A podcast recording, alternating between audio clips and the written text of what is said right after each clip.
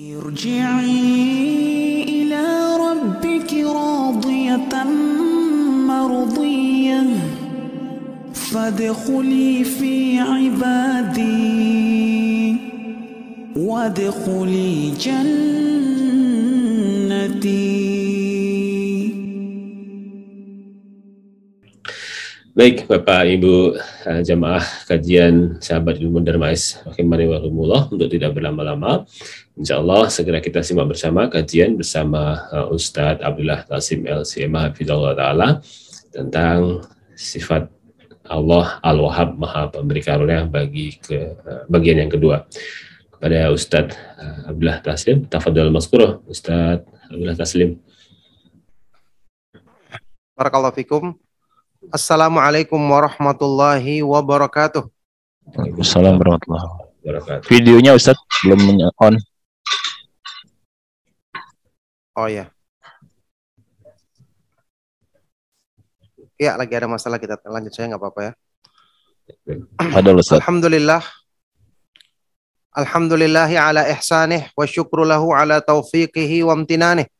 Wa asyhadu an la ilaha illallah wahdahu la syarikalah ta'ziman li syanih wa asyhadu anna Muhammadan abduhu wa rasuluhu ad-da'i ila ridwanih. Sallallahu alaihi wa ala alihi wa ashabihi wa ikhwanih. Amma ba'du. Alhamdulillah. Ma'asyiral ikhwa wal akhwat fid din rahimakumullah. Kaum muslimin. Ikhwan dan akhwat fid din rahimakumullah. Para peserta kajian sahabat ilmu Darmais yang semoga senantiasa antum semoga senantiasa dirahmati oleh Allah Subhanahu wa taala Alhamdulillah di kesempatan malam hari ini kita bersyukur kepada Allah Subhanahu wa taala. Kita senantiasa memuji dan menyanjungnya atas semua limpahan nikmat dan karunia-Nya. Alhamdulillah dengan taufiknya kita dipertemukan kembali di dalam majelis ilmu yang mulia di dalam lanjutan kajian membahas kitab yang sangat bermanfaat kitab Fikul Asmaul Husna memahami nama-nama Allah Subhanahu wa taala yang maha indah. Saat ini kita masih lanjut pembahasan nama Allah Subhanahu wa taala Al-Wahhab, Maha Pemberi anugerah. Ya. Ini telah kita bahas di pertemuan yang lalu bagaimana penjabaran yang disebutkan di dalam ayat-ayat Al-Qur'an tentang yang namanya hibah ya, atau pemberian karunia dari Allah Subhanahu wa taala yang demikian agung Allah berikan kepada manusia ya rahmatnya kemudian kebaikan-kebaikan yang berhubungan dengan kemaslahatan hidup manusia seperti Allah berikan keturunan yang baik, istri atau suami yang soleh. Ini semua adalah termasuk hibat ya, termasuk pemberian karunia atau anugerah yang Allah Subhanahu wa taala limpahkan kepada manusia. Makanya memohon kepada Allah Subhanahu wa taala kebaikan-kebaikan seperti ini dengan menyebut namanya Al-Wahhab ini adalah permohonan yang sangat sesuai dengan nama Allah Subhanahu wa taala yang kita sebutkan. Kemudian, ikhwan dan akhwat fiddin rahimakumullah peserta kajian sahabat ilmu Darmais hafidhakumullah ya. Merenungkan kandungan dari nama Allah Subhanahu wa taala Al-Wahhab sebagaimana yang sudah pernah kita jelaskan ini tentu akan semakin menguatkan rasa cinta kita, menguatkan pengharapan di hati kita kepada Allah Subhanahu wa taala. Dan ini adalah sesuatu, suatu sebab utama yang akan menyempurnakan tauhid kita, keimanan kita kepada Allah Subhanahu wa taala. Karena dengan kita menyerahkan segala kebutuhan kita kita meminta kepada Allah Subhanahu wa taala dengan namanya Al-Wahhab, memberi Maha pemberi karunia, pemberi anugerah. Ini berarti kita mengakui kelemahan diri kita untuk kita senantiasa menghadapkan memohon kebutuhan dan hajat kita kepada Allah Subhanahu wa taala Al Al-Wahhab, Maha Pemberi anugerah. Baik, barakallahu fikum kita akan lanjut membaca keterangan Syekh Abdul Razak hafizahullah taala. Beliau berkata, "Wa hadhil hibatu wa hadhil hibatul mutanawwi'atu biyadihi subhanahu fahuwal maliku li hadzal kaun al mutasarrifu fi fihi subhanahu kama sya. Maka semua pemberian-pemberian karunia-karunia yang bermacam-macam ini semua ada di tangan Allah Subhanahu wa taala. Dialah yang maha memiliki menguasai alam semesta ini Maha berbuat terhadap makhluk ciptaannya sesuai dengan kehendaknya.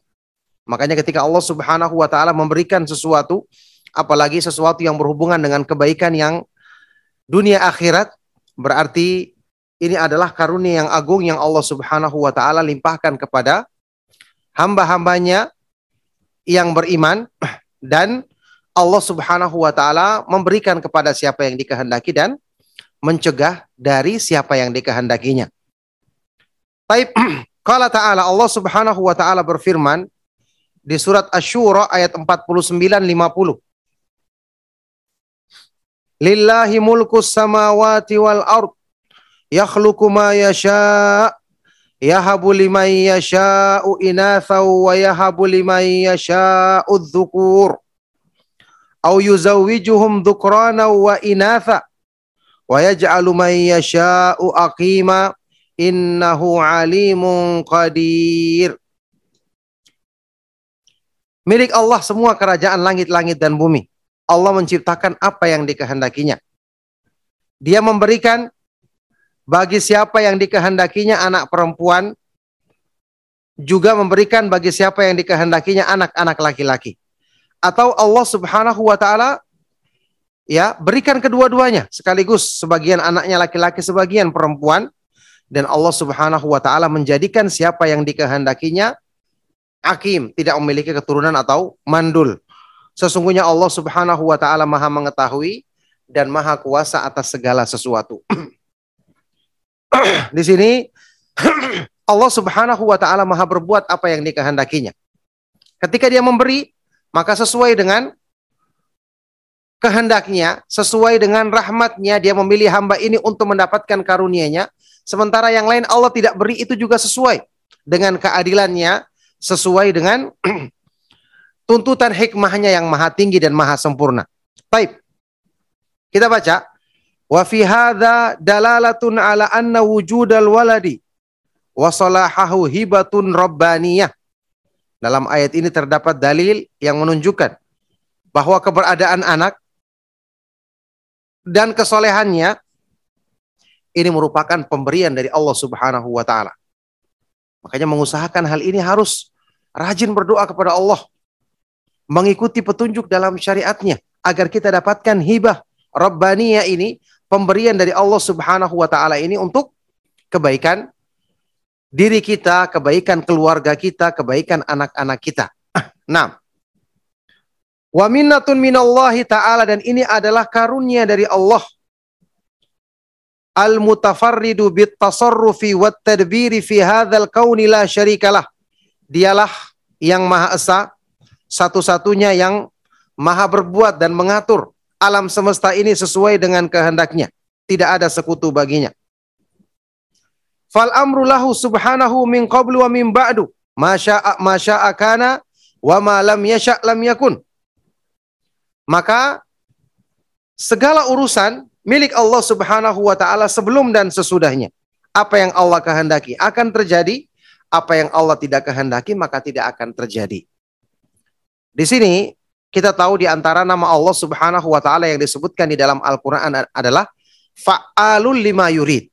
Maha berbuat apa saja yang dikehendakinya. Cuman kita harus ingat, Allah memang berbuat sesuai dengan kehendaknya. Tidak ada yang bisa mencegah ketika Allah melakukan sesuatu sesuai dengan kehendaknya, ya. Karena Allah Subhanahu wa taala Maha kuat dan Maha perkasa. Cuman kita ingat Allah Subhanahu wa taala di samping betul dia Maha kuat dan Maha perkasa. Semua makhluk tunduk kepadanya. Tapi kita juga harus ingat Allah Subhanahu wa taala adalah Al-Hakim, Maha sempurna hukum dan hikmahnya. Kita masih ingat apa artinya hikmah? Wad'u syai' fi mawdi'ihi ala wajhil itqan menempatkan segala sesuatu selalu tepat pada tempatnya secara persis. Jadi ketika Allah Subhanahu wa taala dengan kemahaperkasaannya, kemahakuatannya berbuat sesuatu sesuai dengan apa yang dikehendakinya, tidak ada makhluk yang bisa mencegahnya. Kita yakin perbuatan Allah tidak mungkin ada kedoliman padanya. tidak mungkin untuk ya memberikan keburukan kepada makhluknya karena Allah Subhanahu wa taala menempatkan semua pada tempatnya. Maka ketika Allah memilih seorang hamba mendapatkan karunia-Nya, maka pilihan ini pasti pas dan pantas. Ketika Allah Subhanahu wa taala tidak memberikan kepada hambanya yang lain, maka ini juga sesuai dengan hikmahnya yang sempurna, keadilannya, keadilannya yang maha tinggi. Nah, yu'ti man yasha'u wa yamna'u man yasha' la mani alima a'ta wa la mu'tiya lima mana. Allah memberikan kepada siapa yang dikehendaki dan mencegah dari siapa yang dikehendaki. Tidak ada yang bisa mencegah apa yang Allah berikan dan tidak ada yang bisa memberikan apa yang Allah Subhanahu wa taala cegah. Yani di sini kita memahami takdir Allah Subhanahu wa taala dan berusaha untuk menerimanya. Karena Allah Subhanahu wa taala yang menakdirkan segala sesuatu ya, tentu didasarkan dengan sifat-sifatnya yang maha sempurna. Oleh karena itu, Allah Subhanahu wa taala ketika memberikan kepada siapa yang dikehendaki, mencegah dari siapa yang dikehendaki, ini sama sekali tidak dikatakan Allah zalim. Ya, jadi tidak boleh ada yang bertanya, kenapa ini dapat rahmatnya, ini tidak? Kenapa ini dapat hidayah, ini tidak? Berarti Allah zalim. Jawabannya tidak. Dari sisi mana tidak? Pertama, Allah Subhanahu wa taala yang memiliki semua alam semesta beserta isinya. Maha berbuat apa yang dikehendakinya. Ketika Allah memberikan sesuatu yang memang dialah yang maha memilikinya kepada sebagian hambanya, yang lain tidak diberikan, ini jelas bukan dolim karena semua adalah miliknya. Pernah kita contohkan dalam kajian mungkin ya, ketika seorang orang tua misalnya, tetangga kita, dia membagi-bagi kepada anaknya hartanya. Membagi-bagi hadiah kepada anaknya. Kemudian memberikan kepada orang-orang yang dikenalnya. Lantas kita misalnya tidak dapatkan hadiah tersebut, kita datang kepadanya. Anda berbuat zalim, kenapa hanya mereka yang dikasih, saya tidak dikasih? Orang-orang akan mencap Anda sebagai orang gila kalau seperti ini yang dilakukan. Kenapa? Itu miliknya dia. Terserah dia memberikan kepada siapa dan tidak memberikan kepada siapa yang dikehendakinya. Ini manusia yang pilihannya bisa salah ya tentu perbuatannya tidak bisa selalu diiringi dengan hikmah menempatkan semua pada tempatnya karena manusia sifat-sifatnya penuh dengan kekurangan. Allah Subhanahu wa taala yang maha sempurna hikmahnya, maka tentu tidak akan bisa disalahkan dalam hal ini karena Allah Subhanahu wa taala dialah yang memiliki segala sesuatu, maka ketika dia memberikan kepada siapa yang dikehendaki dan mencegah dari siapa yang dikehendaki, maka Allah Maha Kuasa melakukannya tanpa dikatakan dia zalim. Kemudian Allah Subhanahu wa taala karena sifat-sifatnya maha sempurna. Berarti perbuatan-perbuatannya senantiasa maha tinggi. Makanya karena maha sempurnanya sifat-sifat Allah, la yus'alu amma yaf'alu wa hum yus'alun. Allah berfirman di dalam Al-Qur'an.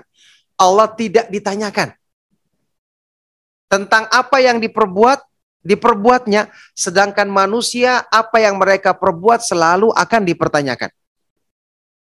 Ya, Allah tidak dipertanyakan. Karena hikmahnya sempurna, keadilannya sempurna, rahmatnya sempurna, kebaikannya sempurna.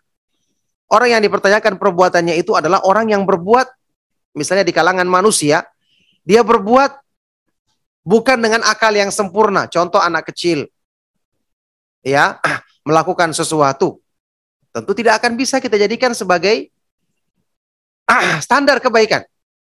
Ya, ada anak kecil disuruh belanja ke pasar, dia beli belanja sembarangan. Tidak sesuai dengan pesan ibunya. Ya jelas salah ibunya. Kenapa anak kecil yang belum sempurna akalnya disuruh melakukan hal tersebut? Karena dia belum sempurna akalnya. Sehingga dia tidak bisa dijadikan perbuatan-perbuatannya itu benar. Ya, ini di kalangan manusia. Atau orang yang misalnya kurang waras akalnya, disuruh berbuat, pasti banyak salahnya. Ini yang ditanyakan tentang perbuatannya, ini yang akan diprotes atau dikritik perbuatannya. Allah Subhanahu wa taala, walillahil mathalul a'la dan Allah Subhanahu wa taala memiliki sifat yang maha tinggi. Tidak mungkin kita pertanyakan perbuatannya karena dia maha sempurna. Sifat-sifatnya maha sempurna, hikmahnya maha sempurna, rahmatnya maha sempurna ilmu dan kebaikan-kebaikan di sisinya. Nah,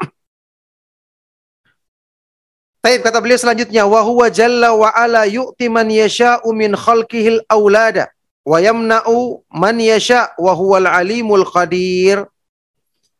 Dan dia Allah Subhanahu wa taala dialah yang memberikan kepada siapa yang dikehendaki anak-anak keturunan dan tidak memberikan juga kepada siapa yang dikehendaki dan dia maha mengetahui wal qadir dan maha kuasa atas segala sesuatu.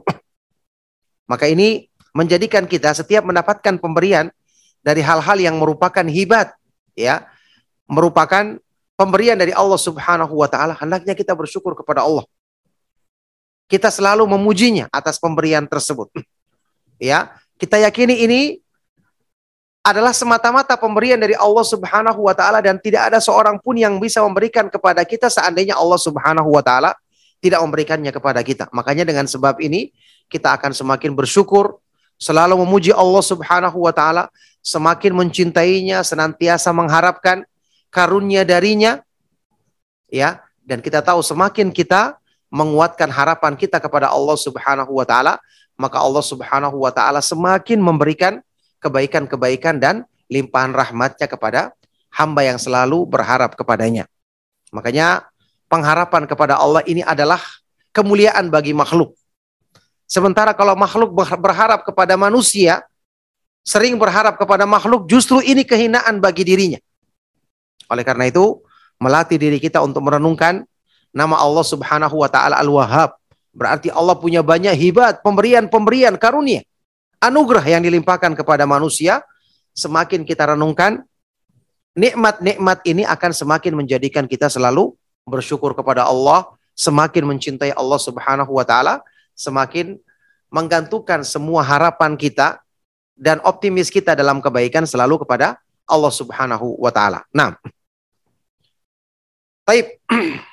Selanjutnya diterangkan di sini wa qauluhu adapun firman Allah di ayat di atas Asyura tadi ayat 49 50 Yahabu liman yasha'a liman yasha'u inatha Allah memberikan kepada siapa yang dikehendaki anak-anak perempuan. Ay artinya yarzukuhu banatin faqat laisa ma'ahunna dhukur. Allah memberikan kepada siapa yang dikehendakinya, yakni Allah mengkaruniakan kepada satu keluarga misalnya anak-anak perempuan saja, tidak ada anak laki-laki. Wa qauluhu selanjutnya firman Allah wa yahabu liman yasha'udz Dan Allah berikan kepada siapa yang dikehendakinya anak-anak laki-laki. Ai artinya yarzukuhul banina faqat laisa ma'ahum inath. Sebagian orang atau sebagian keluarga Allah berikan anugerah berupa anak-anak laki-laki saja, tidak ada anak perempuannya. Kemudian Allah berfirman selanjutnya, au yuzawwijuhum dzukranan wa inatha. Atau Allah kumpulkan ya laki-laki dan perempuan, anak laki-laki dan anak perempuan Allah berikan kepada keluarga yang lain. Ay yajma'u liman sya'a adz-dzukura wal inath. Bagi siapa yang dikehendaki Allah berikan dua-duanya. Ada anak laki-laki dan ada anak-anak perempuan. Enam. Kemudian yang keempat, wa yaj'alu yasha'u aqima dan Allah menjadikan bagi siapa yang dikehendakinya tidak memiliki keturunan atau atau mandul ai la yudalahu aslan yaitu orang yang sama sekali tidak punya keturunan. Ini semua adalah pemberian dari Allah. Maka ini di dalamnya terkandung ujian untuk kita bersabar ketika mendapatkan tidak sesuai dengan apa yang kita inginkan. Yang jelas semua adalah kebaikan yang Allah Subhanahu wa taala berikan berikan kepada kita. Taib Faqastama subhanahu halaz zaujaini ila arba'ati aksam. Maka dalam ayat ini jelas sekali Allah Subhanahu wa taala membagi keadaan dua ya suami dan istri, pasangan suami dan istri. Allah bagi keadaan mereka dalam hal yang berhubungan dengan keturunan menjadi empat macam. Arba'ata aksam, empat macam. Minhum man yu'tihil banat di antara mereka pasangan suami istri ada yang Allah berikan anak perempuan saja. Wa minhum man yu'tihil banin. Yang lain, keluarga yang lain, suami istri yang lain Allah hanya berikan kepada mereka anak laki-laki saja. Wa minhum man yu'tihi minan naw'ain. Dan ada juga keluarga yang lain, pasangan suami istri yang lain. Allah berikan keturunan dari dua jenis ini, dzukuron wa inatha, laki-laki dan perempuan. Yang keempat wa minhum man yamna'u hadza wa hadza, man yamna'uhu hadza wa hadza, di antara manusia juga pasangan suami istri ada yang Allah tidak berikan laki-laki maupun perempuan. Fayaja'aluhu akiman, maka Allah jadikan dia mandul La naslalahu wa la yuladulahu tidak punya keturunan dan tidak punya anak. Ini semua adalah pembagian yang Allah Subhanahu wa taala sebutkan di ayat ini. Makanya ini juga menjadikan kita semakin mensyukuri karunia Allah ketika diberikan kepada kita anak-anak keturunan, kemudian dimudahkan dididik menjadi anak yang soleh, apalagi ada laki-laki, ada perempuan. Subhanallah, ini nikmat yang mungkin ya tidak terasa kita yang punya banyak keturunan, ya, kadang-kadang tidak merenungkan hal ini, kita anggap ini sebagai biasa saja. Ah, menikah, kemudian istri hamil, kemudian lahir, dianggap biasa. Padahal harusnya kita bersyukur kepada Allah Subhanahu wa taala, kita meminta kebaikan dari anak-anak keturunan kita. Kita tahu Rasulullah Shallallahu alaihi wasallam membanggakan jumlah umatnya pada hari kiamat. Berarti ini adalah kebanggaan yang bahkan dibanggakan oleh Nabi Shallallahu alaihi wasallam. Dalam hadis yang sahih yang diriwayatkan oleh Imam Ahmad dan yang lainnya dari Ma'kil Ibnu Yasar radhiyallahu taala anhu Rasulullah Shallallahu alaihi wasallam bersabda, "Tazawwajul wadudal waluda fa inni mukatsirum bikumul anbiya yaumal qiyamah." Menikahlah kamu dengan perempuan-perempuan yang penyayang dan walud, banyak memiliki keturunan, karena aku akan membanggakan jumlah kalian di hadapan para nabi yang lainnya pada hari kiamat nanti. Subhanallah ini karunia dari Allah kita harus renungkan. Kita harus mensyukurinya. Apalagi kita butuh selalu berdoa kepada Allah agar keturunan ini keturunan kita dijadikan keturunan yang soleh. ya, jadi bukan cuma hal-hal yang berhubungan dengan materi saja yang kita syukuri, tapi anak keturunan ini punya banyak manfaat bagi orang tuanya. Kita tahu anak ini termasuk tabungan kebaikan untuk kita setelah kita meninggal nanti. Ya, masih ingat hadis Rasulullah Shallallahu Alaihi Wasallam dalam Sahih Muslim, "Idza mata bnu Adam in amaluhu illa min thalathin." Jika seorang manusia telah wafat, terputus amalnya. Kecuali dari tiga arah. Sodakotin jariyah, sedekah yang dia pernah sedekahkan dan terus mengalir pahalanya, terus digunakan dalam kebaikan. Au ilmin yuntafa'u bihi, yang kedua ilmu yang diambil manfaatnya awaladin salihin yad'ulah atau anak yang soleh yang selalu mendoakan kebaikan untuknya. Bayangkan, di saat-saat kita merasa amal kita sedikit, Allah subhanahu wa ta'ala jadikan sebab dengan keturunan kita yang baik untuk menjadikan amal-amal perbuatan mereka, perbuatan anak-anak ini terus mengalir kepada orang tuanya, meskipun orang tuanya telah meninggal dunia. Ada hadis yang sahih lainnya, disahihkan oleh Syalal Bani rahimahullah ta'ala. Rasulullah SAW pernah bersabda, Inna rojula laturfa'ulahu darajatuhu fil jannati. Sesungguhnya ada seseorang yang pada hari kiamat nanti ditinggikan derajatnya di surga melebihi dari kedudukannya semula. Fayakul maka hamba ini bertanya, Anna lihada, ya Allah dari mana aku dapatkan semua ini? Maka Allah subhanahu wa ta'ala menjawab, Bistighfari waladikalak dengan banyaknya permohonan ampun yang disampaikan oleh anakmu untuk dosa-dosamu. Subhanallah, ini nikmat yang sangat agung yang harusnya kita renungkan dengan merenungkan makna nama Allah Subhanahu wa taala Al-Wahhab ya. Apalagi anak ini adalah termasuk bagian dari usaha orang tuanya sehingga kebaikan-kebaikan dari sang anak yang dilakukannya akan sampai pahalanya secara otomatis kepada orang tuanya. Rasulullah Shallallahu alaihi wasallam bersabda, Inna athyaba ma akala rajulu min kasbihi wa inna waladahu min kasbihi.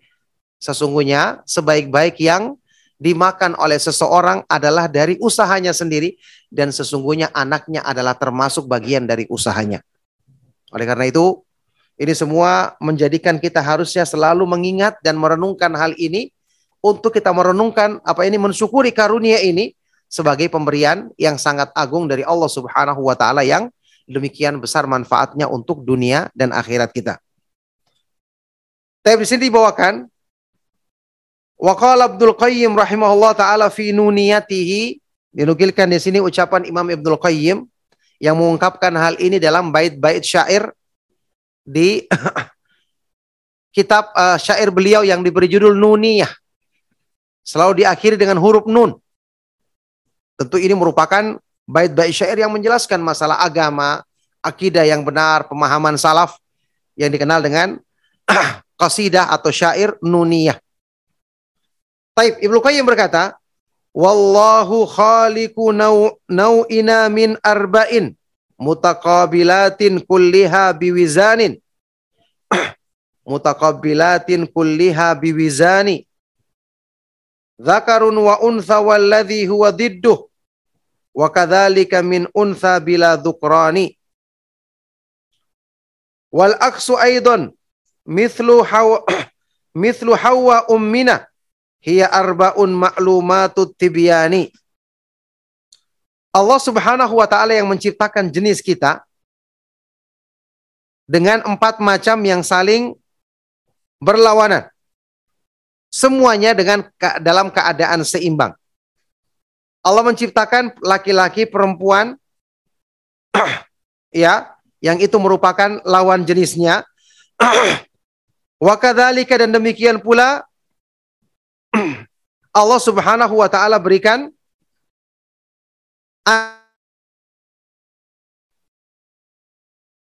ya wal aks dan sebaliknya juga Allah Subhanahu wa taala berikan anak laki-laki tanpa perempuan mithlu Hawa ummina sebagaimana Hawa ibu kita hiya arba iya arbaun inilah empat keadaan yang sudah kita ketahui penjelasannya ala hal ini menunjukkan kepada kita bahwa empat hal yang disebutkan di dalam ayat ini itu sesuai dengan keadaan manusia. Yang tentu selalu harusnya kita renungkan hikmahnya untuk kita bisa mengambil pelajaran kebaikan darinya. kita harus ingat Allah Subhanahu wa taala nama-namanya yang maha indah, inilah yang diperintahkan di dalam Al-Qur'an untuk kita berdoa dan beribadah kepada Allah dengannya. Makanya perenungan seperti ini itu bisa memberikan faedah yang sangat tinggi.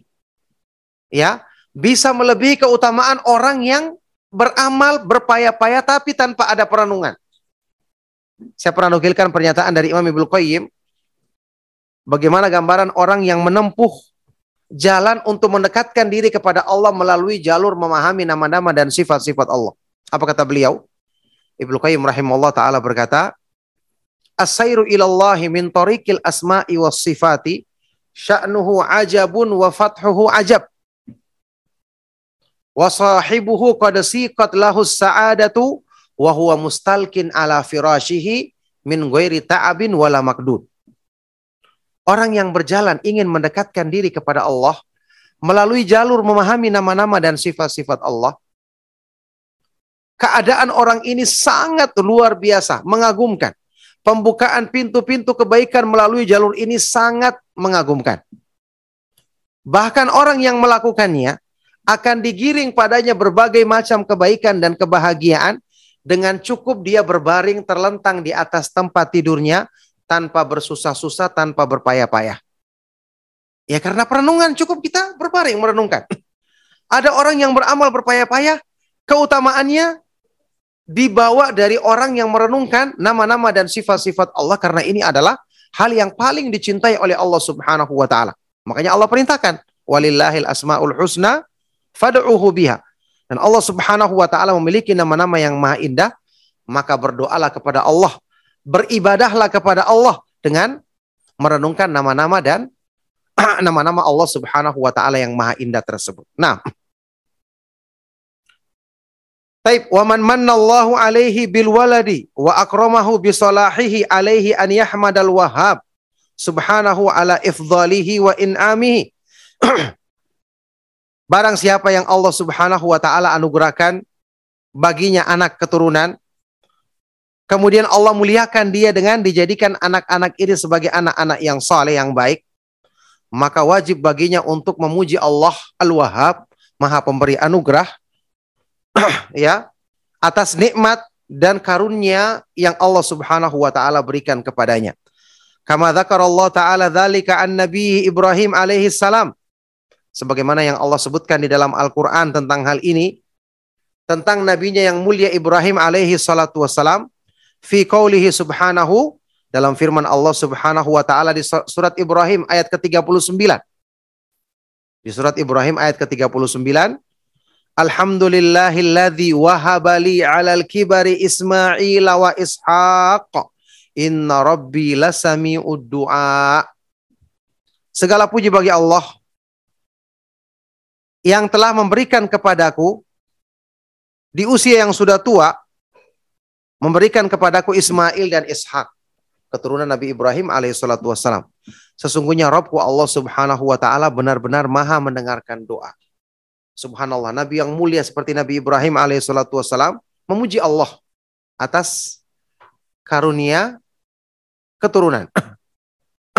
ya, ini menunjukkan kepada kita bahwa hal ini ya untuk selalu kita ingat dan kita memuji Allah Subhanahu wa taala atas nikmatnya yang agung ini.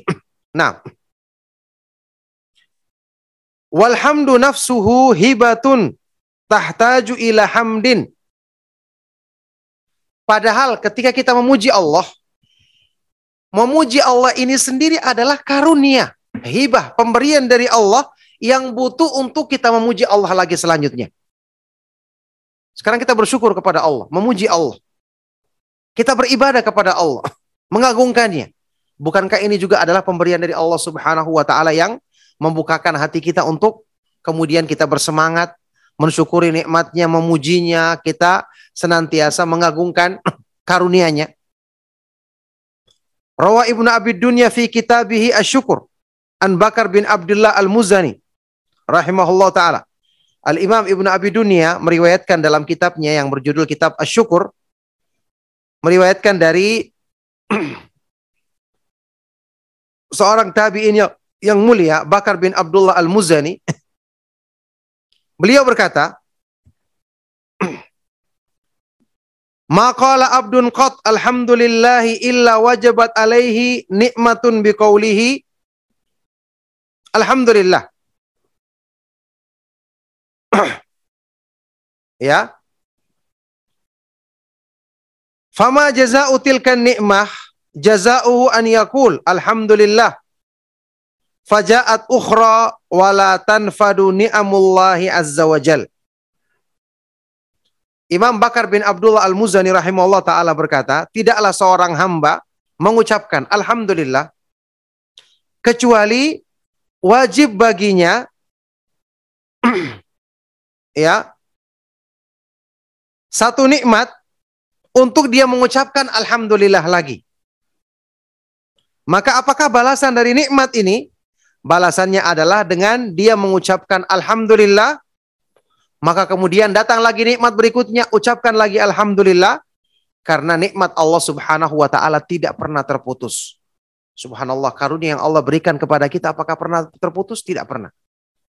Sejak kita belum dilahirkan kita senantiasa mendapatkan penjagaan dari Allah Subhanahu wa taala kemudian di dalam kandungan ibu makanan bernafas semua dari Allah Subhanahu wa taala sebab-sebab kelangsungan hidup. Tidak pernah terputus, maka berarti memuji Allah Subhanahu wa taala harusnya tidak pernah terputus dalam hidup kita karena kita bersyukur, mengucapkan alhamdulillah, datang lagi nikmat yang baru, ucapkan lagi alhamdulillah. Terus seperti itu. Walidha qala Syafi'i rahimahullah taala. Oleh karena itu Imam Syafi'i rahimahullah taala mengungkapkan pernyataannya Alhamdulillahilladzi la yu'adda syukru nikmatin min ni'amihi illa binikmatin hadithatin tujibu syukrahu alaiha. Imam Syafi'i rahimahullah taala berkata, segala puji bagi Allah yang tidaklah ditunaikan syukur atas satu nikmat dari nikmat-nikmatnya kecuali dengan nikmat yang baru lagi yang mengharuskan kita mensyukurinya lagi. Tidak pernah terputus memuji Allah Subhanahu wa taala seharusnya kita lakukan dalam hidup kita karena nikmat dan pemberian Allah tidak pernah terputus. Falhamdulillahi hamdan kathiran tayyiban mubarakan fih kama yuhibbu rabbuna wa yardah.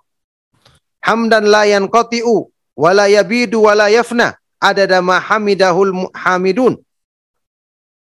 Lahul hamdu syukran walahul walahul mannu fadlan biyadihil amru fil akhirati wal ula. Maka segala puji bagi Allah dengan pujian yang banyak, yang baik, yang diberkahinya, sebagaimana yang Allah cintai dan ridhoi. Sebagai pujian yang tidak pernah terputus, tidak pernah rusak dan hancur.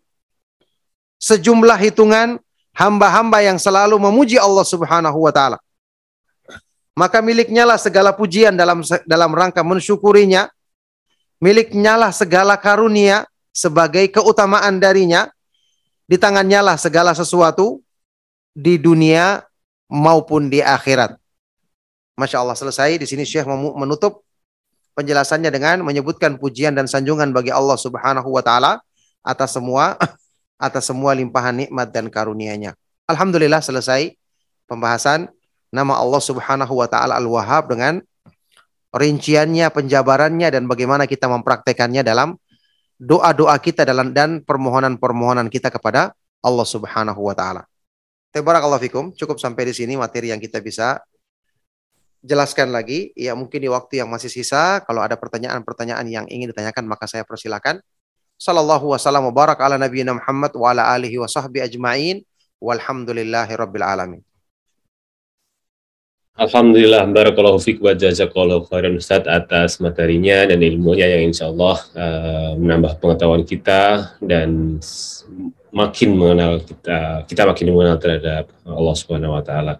Khususnya sifat dan nama Allah uh, yang berkaitan dengan apa yang kita bahas malam ini yaitu tentang Al-Wahhab atau yang Maha memberi karunia. Baik, bagi Bapak Ibu jamaah kajian sahabat Ibu Darmais rahimani wa yang baru bergabung dengan kita semua. Baru saja kita simak kajian rutin setiap Selasa malam yang uh, membahas tentang kitab fikih Asmaul Husna dan malam hari ini tadi kita sudah membahas atau Ustaz sudah menyampaikan materi tentang salah satu sifat Allah atau nama Allah yaitu Al-Wahhab. Tunggu sebentar, Pak. Dan Ya, dan uh, sekarang insya Allah kita sampai ke sesi tanya jawab atau diskusi. Uh, kita akan berikan kesempatan yang pertama kepada salah satu jamaah yang sudah raise hand atau mengangkatan, mohon uh, singkat dan diusahakan sesuai tema. Kesempatan pertama kami berikan kepada uh, Abu Muad. Tafadol, silakan di-unmute. Assalamualaikum warahmatullahi wabarakatuh. Ya. Uh, uh, saya mau bertanya tentang uh, nama Allah uh, Al-Wahhab ya itu sebetulnya kan uh, tidak masalah kalau kita disebut uh, Salafi dengan Wahabi gitu kan ya. Tapi ternyata emang uh, itu luar biasa fitnahnya. Uh, jadi uh, banyak yang mereka melakukan segala cara untuk menghancurkan uh, dakwah salaf itu. Uh, dan kita mencoba untuk uh, sebetulnya uh, tidak masalah disebut dengan Wahabi itu kan. Uh, karena Allah Al-Wahhab gitu. Tetapi uh, kalau dibiarkan maka akan uh, begitu uh, apa uh, menghentikan. Mungkin bisa jadi mereka berusaha untuk menghentikan dakwah dengan uh, bahkan mereka membuat slogan-slogan untuk membantai dan sebagainya itu. Uh, kita mencoba untuk me, apa membendung dengan uh, melakukan apa uh, ya bahkan sering terlibat dengan perdebatan gitu dengan mereka dengan bahkan uh, ya kita mencoba untuk uh, menyampaikan seperti apa yang disampaikan oleh ustadz-ustadz salaf apa yang disampaikan kemudian kita Uh, tapi kita juga gunakan logika dari apa yang disampaikan itu. Misalnya, taruhlah mereka melakukan bid'ah bahwa bid'ah itu adalah satu perbuatan yang sesat karena memang uh, amal ibadahnya tidak di tidak disahkan oleh. Jadi seolah-olah ada orang yang uh, setelah Nabi ada Nabi lagi yang mengesahkan amal ibadah itu. Itu bagaimana Ustadz? Apakah kita uh, betul atau tidak salah? Jazakallahu khair. Assalamualaikum. Iya. Barakallahu fiqh pertanyaan yang sangat baik sekali dari beliau yang bertanya semoga Allah Subhanahu wa taala senantiasa memudahkan kebaikan dan rahmatnya kepada beliau, keluarga dan kepada kita semua. Iya. mengenai keberadaan orang-orang yang senantiasa memberikan cap Wahabi kepada dakwah salaf, kita sudah pernah bahas ya Wahabi ini sebenarnya merupakan uh, penisbatan kepada nama Allah Subhanahu wa taala Al-Wahhab. Ya, dan juga bisa disebutkan singkatannya Wahabi artinya warisan sahabat Nabi Shallallahu alaihi wasallam. Maka Masya Allah pengertiannya juga sangat baik sekali ya. Cuma di sini ketika mereka menyebutkan dengan kejelekan-kejelekan tentu ya ada bukti, misalnya mereka ingin menuduh dakwah Syekh Muhammad bin Abdul Wahab rahimahullah taala. Buku-buku beliau sudah diterjemahkan, kitab Usul Thalathah ada terjemahannya, kitab Tauhid ada terjemahannya, Kasfu Syubhat ada terjemahannya. Silakan dibaca. Buku-buku tersebut berisi dalil, berisi nukilan ayat-ayat Al-Qur'an, hadis-hadis Rasulullah Shallallahu alaihi wasallam, kemudian ucapan para sahabat radhiyallahu taala anhum majma'in. Justru buku-buku tersebut ya berusaha untuk memurnikan tauhid, mengingkari perbuatan syirik. Kemudian ada dialog, ada diskusi yang sangat ilmiah di dalam buku-buku atau kitab-kitab tersebut. Ada bukti dan sekarang terjemahan sudah bisa dibaca langsung. Kemudian kalau mereka menisbatkan hal-hal yang buruk maka kita jawab hal tersebut tuduhan dusta tidak terbukti. Ceramah-ceramah kita ada. ada beberapa hal yang mereka mungkin membantahnya tapi bantahannya sepihak kalau mereka yang menyiarkan atau membuat misalnya konten di YouTube membantah ustadz ini itu kan sepihak sebenarnya. Tidak dijawab oleh ustadz tersebut, mereka yang kumpulkan sendiri, dipotong sendiri, kemudian dijawab sendiri, dikesankan seolah-olah mereka yang ilmiah dan ustadz tersebut tidak bisa menjawabnya, padahal memang tidak saling berhadapan. Atau mereka jawab sendiri, kemudian tidak dijawab oleh ustadz lagi karena ustadz sudah tidak memperhatikan hal tersebut misalnya. Padahal mereka yang mereka sebutkan sangat jauh dari penjelasan yang logis ya, apalagi bertentangan dengan sangat dengan dalil dari ayat-ayat Al-Qur'an dan hadis-hadis yang sahih dengan pemahaman para sahabat atau pemahaman para ulama ahlu sunnah wal jamaah. Ala kulli hal, tidak perlu kita terpengaruh dengan apa yang mereka inginkan, cukup kita menjelaskan saja kebaikan. Kadang-kadang kita perlu bantah, ya, tapi tidak perlu dijadikan sebagai kesibukan. Ketika mereka mengingkari tentang sifat-sifat Allah, yang jelas-jelas dalilnya Al-Quran dan Sunnah, pemahaman para sahabat, kita biarkan saja, kita terangkan yang benar. Mudah-mudahan ada di antara mereka orang-orang yang kemudian mendapatkan hidayah untuk menerima kebenaran dan tidak lagi menolak dalil-dalil yang jelas dari ayat-ayat Al-Quran dan hadis-hadis yang sahih dari Rasulullah Shallallahu Alaihi Wasallam yang dijelaskan oleh para ustadz ahlu sunnah yang kita kenal. Barakallahu fikum. Nah, Assalamualaikum warahmatullahi Alhamdulillah, insya Allah uh, jelas dan bisa dipahami oleh pelajaran kita semua. Kesempatan yang kedua masih kami berikan kepada uh, jemaah kita yang sudah raise hand kepada Umu Naswa. Kami mohon silakan di unmute, mohon singkat dan diusahakan sesuai dengan tema. Tafadhol. Ya silakan. Assalamualaikum warahmatullahi wabarakatuh. Ustaz, izin Waalaikumsalam. Akan bertanya terkait tadi masalah takdir di mana ada seorang yang kedarullah tidak mempunyai anak. Nah, bagaimana jika yang bersangkutan itu melakukan adopsi? Nah, ketika melakukan adopsi, bagaimana dengan status anak? Di mana yang bersangkutan pada saat melakukan adopsi itu memang tidak diketahui karena diambil dari rumah sakit, tidak diketahui orang tuanya siapa siapanya itu seperti itu. Nah, terus bagaimana dengan status anak? Ketika anak itu pada sekolah tentunya harus ada eh, sebagai anak siapa seperti itu seperti di akte dan sebagainya untuk persyaratan sekolah. Nah terus bagaimana juga dengan orang yang ketika tahu bahwa yang bersangkutan itu melakukan adopsi ketika ada yang bertanya misalkan eh, saya nih sebagai saudaranya ketika betulkah si anak itu di, uh, adopsi atau bukan anaknya? Apakah saya harus menutupi atau seperti uh, menjawab dengan seadanya?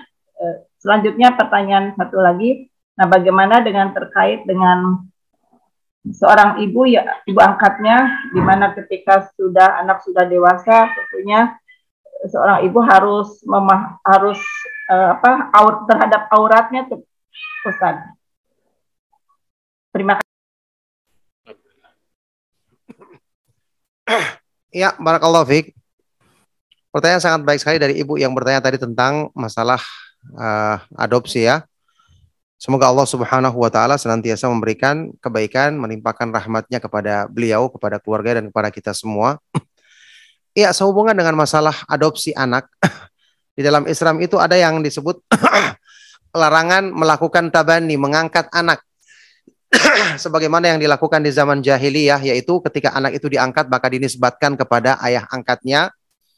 Ini jelas dilarang dalam Islam karena anak itu harus dini, dinisbatkan kepada orang tuanya. Kalau tidak diketahui orang tuanya, maka uh, disebut sebagai maulah ya yang jelas tidak boleh dinisbatkan kepada ayah angkatnya karena itu bukan anaknya. Kemudian juga tidak berlaku pada anak angkat ini hukum warisan ya karena bukan anak kandung. Kemudian juga jelas yang berhubungan dengan mahram perwalian ini juga ya anak angkat tidak berlaku padanya hal tersebut. Itu sebagaimana yang disebutkan dalam Islam karena melarang sistem pengangkatan anak yang berlaku di zaman jahiliyah. Maka berarti nanti yang berhubungan dengan uh, orang tuanya, misalnya anak ini anak laki-laki setelah dewasa dia tidak boleh apa ini bertemu dengan keluarga angkatnya, ibu angkatnya itu bukan mahramnya, masalah aurat berarti dia tetap harus uh, dijaga ya, menjaganya. Saudara apa ini anak-anak dari orang tua angkatnya yang perempuan berarti bukan mahram, bukan mahram baginya. Jadi kalaupun dia lakukan ini, adopsi anak misalnya dari uh, anak yatim yang tidak uh, ketahuan orang tuanya ya maka dia lakukan untuk kebaikan menyantuni anak yatim.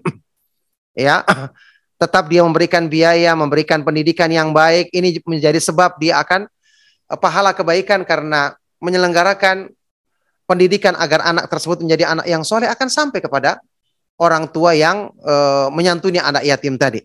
Ya maka Masya Allah kebaikan-kebaikan seperti ini bisa dia niatkan dan ini akan memberikan nilai pahala dan keutamaan bagi dirinya.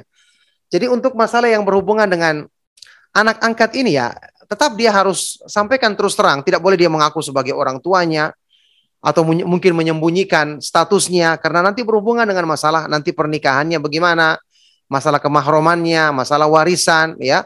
Makanya kan yang sering kita sebutkan angkat eh, tabani mengangkat anak yang seperti ini yang dilarang di dalam Islam. Di zaman jahiliyah itu berlaku ya. Kemudian Islam melarangnya karena eh, hal-hal uh, yang berhubungan dengan anak angkat ini atau anak yang diadopsi ini tidak boleh kemudian dinisbatkan kepada ayah angkatnya, tidak boleh kemudian dijadikan hukum warisan berlaku padanya juga masalah yang berhubungan dengan mahram atau perwaliannya. Nah, oleh karena itu, ya dia terangkan lebih bagus dan tentu anak ini ya diberikan pemahaman bahwa tetap saja orang tua yang e, berusaha untuk membiayai dirinya tetap menyayangi dia, menginginkan kebaikan untuknya. Dan tentu saja anak ini ya tetap punya kewajiban untuk e, berbakti kepada orang tuanya yang asli yaitu mendoakan kebaikan untuk orang tuanya yang asal meskipun dia tidak mengetahuinya ya. Tidak boleh dia kemudian misalnya e, melakukan hal-hal yang buruk kepada kedua orang tuanya baik dia ketahui maupun tidak ya tetap dia adalah anak dari orang tuanya yang asli penisbatannya harus kepada orang tuanya kalaupun tidak diketahui maka tetap saja tidak boleh dinisbatkan kepada orang tua yang mengasuhnya. Nah, barakallahu fikum. Fikum barakallah. Alhamdulillah uh, insya Allah bisa dipahami untuk uh, penanya dan juga untuk kita semua kembali ber uh, sekaligus kami juga sampaikan di kajian pada malam ini uh, sahabat ilmu dan mais insya Allah juga mengadakan satu kajian rutin setiap dua pekan sekali setiap hari Selasa pukul 4 sore khusus tentang kajian fikih keluarga bersama Ustadz Aminul Bait STBA. Uh, insya Allah silahkan di, uh, pekan depan hari Selasa pukul 4 uh, dikhususkan untuk kajian tentang fikih keluarga yang salah satunya membahas hal yang uh, tadi uh, Ustadz uh, sampaikan juga. Insya Allah lebih khusus di sana. Nah, baik uh, izin saya lanjutkan ke pertanyaan yang ada di kolom chat Ustadz. Uh, namun Afan sebelumnya ada beberapa pertanyaan yang mungkin sudah pernah ditanyakan uh, karena berhubungan dengan jamaah yang baru bergabung dari grup kajian surah yang lain Ustaz Afan. Nah, baik, pertanyaan pertama. Assalamualaikum Ustaz, izin bertanya. Saya suka membaca berulang kali Asmaul Husna, ya Latif beberapa kali, kemudian ya Aziz, ya Rohman, ya Rohim, ya Ghafar. Uh, setiap ada kesulitan, dan saya merasakan Allah memberikan kemudahan atau jalan keluar setelah saya membaca itu. Apakah benar amalan yang saya lakukan ini Ustaz? Syukron jazakallahu khair. Iya, barakallahu fiik. Pertanyaan yang sangat baik sekali. Semoga Allah Subhanahu wa taala senantiasa melimpahkan kebaikan dan kemudahan dalam segala urusan bagi antum dan bagi kita semua. ya, apa yang diamalkan tadi sudah pernah kita jelaskan ini adalah amal yang tidak benar, tidak sesuai dengan syariat Islam. Kita diperintahkan untuk berdoa kepada Allah dengan Asmaul Husna, sudah kita pernah jelaskan maknanya ya ini kita pahami kandungan maknanya, kemudian kita amalkan dalam doa kita, kita minta kepada Allah permohonan kita, kemudian sebutkan namanya yang sesuai dengan permohonan tersebut atau kita amalkan dalam ibadah kita setelah kita merenungkan makna dan kandungan dari nama-nama Allah Subhanahu wa taala yang maha indah. Di dalam Islam tidak ada zikir yang hanya menyebut nama Allah tanpa kalimat yang sempurna. Makanya tidak ada zikir ya Allah ya Allah ya Allah tidak ada. Ya Rozak ya Rozak ya Rozak. Ya Wahab ya Wahab ya Wahab tidak ada. Semua dalam kalimat yang sempurna. Anda mengatakan ya Wahab, ya Allah Al-Wahhab, wahai Allah yang Maha memberi karunia, harusnya lanjutkan. Mudahkanlah karunia kebaikan untukku, mudahkanlah rahmat bagiku, mudahkanlah saya mendapatkan keturunan yang soleh, mudahkanlah kebaikan iman bagiku. Itu baru benar, karena kita mengucapkan dalam kalimat yang sempurna itulah yang diperintahkan dalam ayat tadi, walillahil asmaul husna fad'uhu biha. Dan Allah subhanahu wa ta'ala memiliki nama-nama yang maha indah, maka berdoalah kepada Allah subhanahu wa ta'ala dengan nama-nama tersebut. Adapun masalah Katanya setelah mengucapkan ini hatinya menjadi lapang atau ada kemudahan maka ini dikhawatirkan termasuk sesuatu yang ya dijadikan tipu daya oleh syaitan, kita mengamalkan sesuatu yang tidak benar, dikesankan seolah-olah kita dapatkan faedah sehingga kita terus mengamalkannya. Jelas tidak? Tidak boleh seperti ini. Jadi kita berpegang teguh dengan dengan dalil, ada perbuatan yang ada dalilnya itu yang kita amalkan, yang tidak ada dalilnya, tidak ada ayat Al-Qur'an atau hadis Rasulullah wasallam ataupun perbuatan sahabat radhiyallahu taala anhum yang mencontohkannya maka tidak boleh kita kerjakan. Barakallahu fikum. Nah. Assalamualaikum barakallah. Alhamdulillah insya Allah juga eh, jelas dan eh, bisa dipahami oleh uh, kita semua. Uh, izin saya lanjutkan ke pertanyaan selanjutnya Ustaz. Uh, izin bertanya Ustaz. Assalamualaikum warahmatullahi wabarakatuh berkaitan dengan doa yang merubah takdir. Apakah doa bisa merubah takdir, Ustaz? Seperti misalnya jika ditakdirkan mandul seperti yang tadi Ustaz sampaikan, tapi terus-menerus berdoa, apakah juga akan terkabul, Ustaz? Barakallahu. Ya, barakallahu fikum. Makna dari hadis Rasulullah Shallallahu alaihi wasallam yang dinyatakan hasan oleh sebagian dari para ulama La yaruddul qadha'a illa doa. Tidak bisa menolak takdir kecuali doa. Ini sebenarnya maknanya adalah motivasi untuk berdoa. Takdir Allah Subhanahu wa taala tidak bisa berubah. Semua yang Allah takdirkan tidak akan bisa berubah. ya.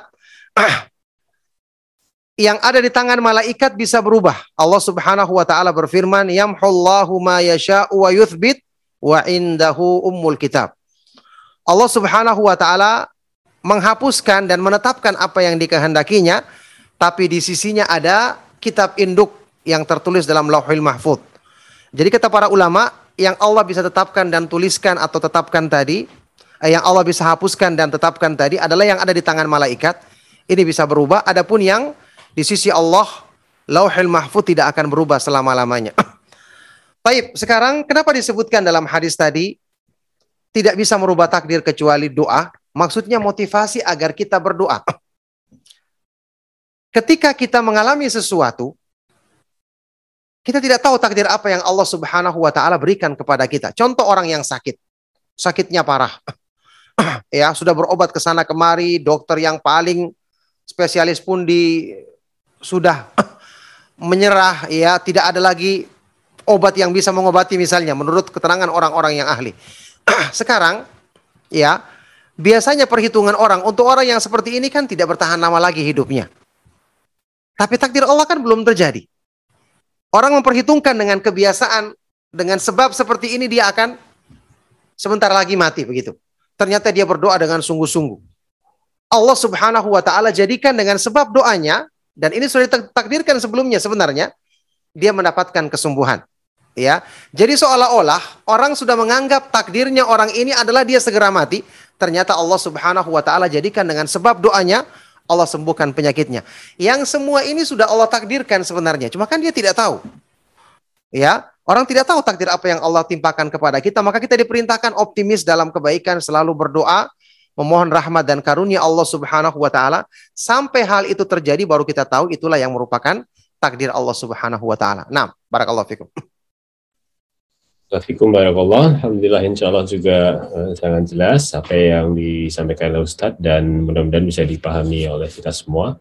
Dan Afan, Bapak Ibu sekalian, kami dapat informasi dari tim kajian Ustadz Abdullah Taslim. Uh, insya Allah satu pertanyaan lagi karena memberikan kesempatan Ustadz untuk beristirahat. Izin satu pertanyaan lagi Ustadz di kolom chat sudah ada. Uh, Bismillahirrahmanirrahim izin bertanya. Uh, Ustadz, sering kali saya menunggu memberikan sedekah hingga memang rezekinya sudah ada di tangan saya atau sudah kelihatan. Misal, untuk memberikan sesuatu, uh, saya menunggu sesuatu itu dulu. Uh, misalnya saya punya barang yang lama, kemudian ketika saya punya barang yang baru, baru saya berikan kepada orang lain. Atau saya kasih uang atau makanan ke saudara jika saya ada pegang uang dulu saya keluarkan uang. Atau saya dahulukan membayar SPP anak dulu, baru bantu SPP anak saudara.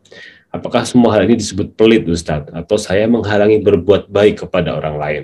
Karena saya berpikir harus mendahulukan keperluan untuk anak-anak dan urusan rumah dulu, baru memberi ke saudara. Selama ini saya dianggap salah berpikir seperti itu. Mohon penjelasannya, Ustadz. Syukron jazakallahu khair.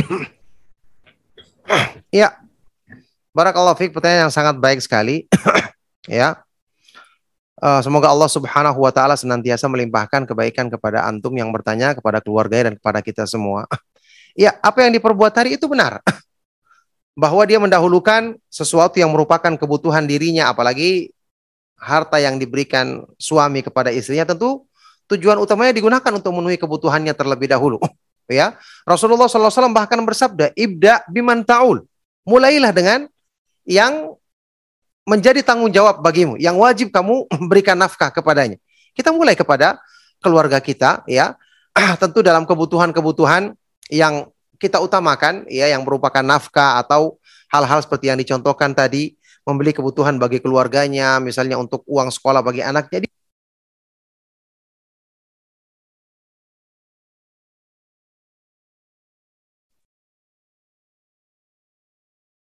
Saat suaranya hilang audionya hilang. Baik, sambil kita tunggu sebentar. Sambil menunggu start, Bapak Ibu jamaah sekalian, kami mohon maaf berikan informasi bahwa uh, Ustadz harus beristirahat karena sepanjang aktivitas dari pagi sangat padat dan kami membatasi jumlah pertanyaan yang kami bacakan mohon pertanyaannya disimpan untuk bisa insya Allah bisa disampaikan ke kajian-kajian yang akan datang. Ustaz sudah bersama kita. Afan tadi sempat keputus Ustaz suaranya, ya. audionya. Ya, barakallahu fikum. Jadi tetap dia mendahulukan yang merupakan kebutuhan untuk keluarganya karena Rasulullah SAW bersabda ibda biman taul mulailah dengan orang-orang yang wajib engkau nafkahi yang menjadi tanggung jawabmu maka apa yang diperbuat tadi sudah benar ya. Dia berusaha untuk memenuhi kebutuhan keluarganya dulu, mencukupkan dulu kebutuhan untuk diri dan anak-anaknya baru kemudian memberikan kepada saudaranya yang membutuhkan ya karena tidak dibenarkan misalnya dia mendahulukan orang lain kemudian dengan sebab itu dia akhirnya kurang mungkin dengan sebab itu akhirnya dia berutang ke orang lain akhirnya mungkin dia minta kembali uh, ke, minta tambahan kepada suaminya kemudian akhirnya menjadi sebab masalah dengan dirinya dengan suaminya, maka ini tidak benar. Kecuali mungkin kalau perkara-perkara yang mendesak, ya perkara-perkara yang merupakan hal yang darurat yang dibutuhkan mungkin saudaranya atau keluarganya yang lain, sepupunya misalnya, perkara yang mendesak ini mungkin. Tapi kalau dalam hal-hal yang biasa, maka dia dahulukan kebutuhan dirinya, anak-anaknya baru setelah ada ada kelebihan baru diberikan kepada kepada orang lain. Tapi barakallahu fikum itulah jawaban dari pertanyaan yang terakhir di perjumpaan kita di malam hari ini. Mohon maaf atas keterbatasan dan segala kekurangan atau kata-kata yang kurang berkenan. Mudah-mudahan apa yang kita bahas dan kita kaji menjadi sebab kebahagiaan dan kebaikan untuk kita di dunia dan di akhirat nanti. Saya cukupkan sampai di sini. Sallallahu wasallam mubarak ala nabiyina Muhammad wa ala alihi wa sahbihi wa man tabi'ahum bi isanin ila yaumiddin walhamdulillahi rabbil alamin. Subhanakallahumma wa bihamdika asyhadu an la ilaha illa anta astaghfiruka wa atubu ilaik. Wassalamualaikum warahmatullahi wabarakatuh. Irji'i ila rabbiki radiyatan mardiyah فادخلي في عبادي وادخلي جنتي